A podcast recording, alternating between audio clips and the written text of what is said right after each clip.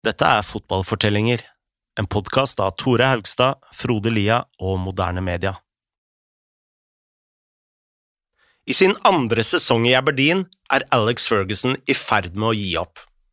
Laget har tapt sin tredje finale på rad, fansen føler at de har blitt skuffa, og kvelden etter sover ikke Ferguson ett sekund. Men Fergie hadde ikke vært Fergie om han ikke hadde tålt litt motgang.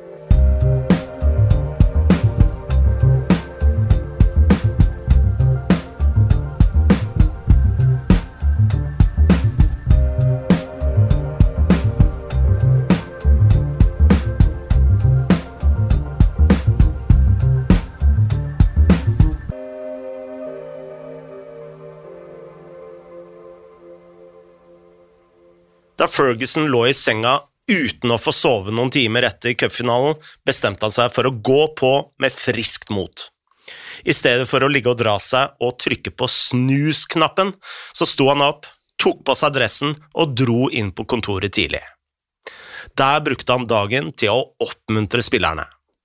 Senere skulle han skrive at denne perioden var nøkkelen til at Aberdeen ble så gode som de ble. Ser du på resultatene, skrev Ferguson, så taper Aberdeen nesten aldri to kamper på rad. Men motgangen de neste ukene skulle fortsette. Hele den neste uka bøtta det ned, og da St. Mirren skulle besøke Aberdeen, kom det kun 5000 tilskuere på kampen. Selve banen var ei myr, og Ferguson hinta litt sånn til Dick Donald at han kanskje håpte at kampen kom til å bli suspendert. Da sa Donald, hør her, sønn, du skal spille denne kampen, du gir ikke opp. Ferguson visste at Donald hadde rett. Aberdeen vant 2-0, og gradvis blåste de mørke skyene bort. De kjempa seg inn i tittelkampen, fant rytmen og forbedret moralen. Men da de skulle spille hjemme mot Morton, snødde det så mye at kampen så ut til å bli utsatt. Så Ferguson og staben sto opp tidlig, henta alt de hadde av spader og skuffer, og lempa bort et snølag på 15 cm. Selv Dick Donald var med på å måke snø. Kampen fikk grønt lys, og Aberdeen vant 1-0. Denne seieren lot Aberdeen opprettholde rytmen og formen som var så viktig, og i april så stramma tittelkampen seg skikkelig til. Aberdeen lå syv poeng bak Celtic, som er mye generelt sett, men som var enda mer på den tida, siden seieret tross alt kun ga to poeng. Men Aberdeen skulle spille to ganger på Celtic Park. Kun ett lag hadde vunnet der hele sesongen, og det hadde vært nettopp Aberdeen i ligacupen. Men Ferguson minner spillerne om at om de vant de to kampene der, så ville det kun være ett poeng bak sin store rival. Aberdeen vant den første kampen 2-1. Da de dro tilbake for oppgjør nummer to, visste alle i Skottland at tittelen sto på spill. Nesten 60 000 mennesker skviste seg inn på Celtic Park hvor Aberdeen ikke bare måtte spille mot et av Skottlands beste lag, de måtte hamle opp med tribuneseksjonen, som var så sprø og berykta at den ble kalt Jungelen. La oss høre mer fra Michael Grant. Celtic Park has um, has been redeveloped and, and changed quite significantly from those days, um, but the jungle was an area of terracing uh, uh, which ran the length of the pitch opposite the main stand. Quite a low roof. It's quite quite a noisy area, but it was more synonymous really with the, just the kind of passion and fanaticism of the of the Celtic support in, in that um, in that area. It was quite a kind of intimidating um, stand to play in front of if you're an away fan, and um, what became uh, one of the kind of one of the kind of um, iconic uh, images of, of Aberdeen in those days. Uh, they had a, a big uh, fullback called Doug Rugby. Now, Rugby was this massive, oh, I don't know, six foot two, six foot three guy, broad shoulders, strong. I mean, you just wouldn't have messed with him. He was a, a ferociously committed, physically committed player. Uh, he was a good guy, nice guy, you know, a, a gentle guy off the pitch, but but hard as nails. And um, Rugby started taking it upon himself to go and warm up in front of the jungle. Now, this was unheard of. I mean, you know, players would were expected to kind of cower away from it and train train on the other side of the pitch, not go near it, and and, and be kind of cowed by it. And Rugby, who had a kind of sense of devilment used to go up and do his warm ups right in front of them, and of course they were they were going ballistic and and and backing at him and and howling at him, but you know he didn't care. And Ferguson, who uh, uh Ferguson hadn't encouraged this, he hadn't suggested it to Rugby, but of course he loved it.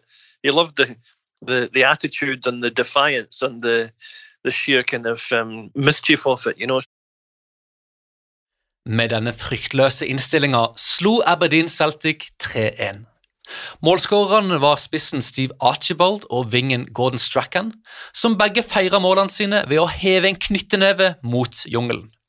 Aberdeen hadde nå slått Celtic to ganger på mindre enn tre uker. I think people thought they might do it once, but they wouldn't do it twice. But they did, and they showed incredible nerve and character to go down there, and especially the second one because I think the Celtic support had been rattled by the first defeat and were and were really behind their side to to finish off these kind of upstarts from Aberdeen. Of course, they didn't do it. They couldn't do it. I sesongens nest siste kamp visste Aberdeen at de i praksis var mestere om de vant mot Tips, og Celtic ikke slo St. Mirren. Ingen hadde stjålet ligaen fra The All Firm sin Dumferline i 1965, så det var naturlig at nerver sneik seg inn. Og stakkars Gordon Strachan, da. Han gikk så ofte på do at folk trodde han var syk. Men det var ingen grunn til bekymring. Aberdeen slo Hips borte, mens Celtic kun tok ett poeng. Fansen eksploderte av glede, og Ferguson sprinta ut på banen i sin svarte dress med utstrakte armer og klemte alle han så.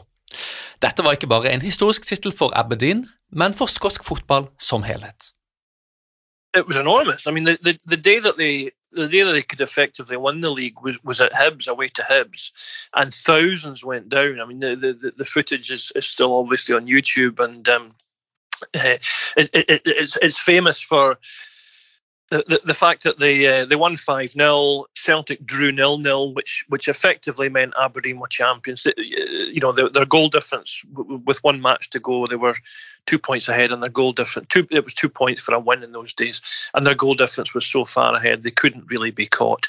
And there's great image of Ferguson kind of running and skipping and jumping across the pitch. Can't believe it. It was his first major honour in Scottish football, the league title, and for the club, for the city it was takeoff really. I mean, it was um, it was it, it just changed the way supporters felt about the club. It changed the way the players felt. Suddenly they were winners rather than kind of nearly men. It got them into the European Cup. Um, it just shot the club into a new level entirely. And of course, the city responded to it. Aberdeen's a city of about 200,000, just over 200,000 people. Take in Aberdeenshire, then it's maybe half a million and um, you know the, the, the, that population just gravitated towards the football club in those years. Festen varte i flere dager, og en av kveldene ringte telefonen til Ferguson klokka to om natta. Det var spillerne, som var på fest og stopperen Willy Miller, og som begynte å synge fyllesanger til Fergie.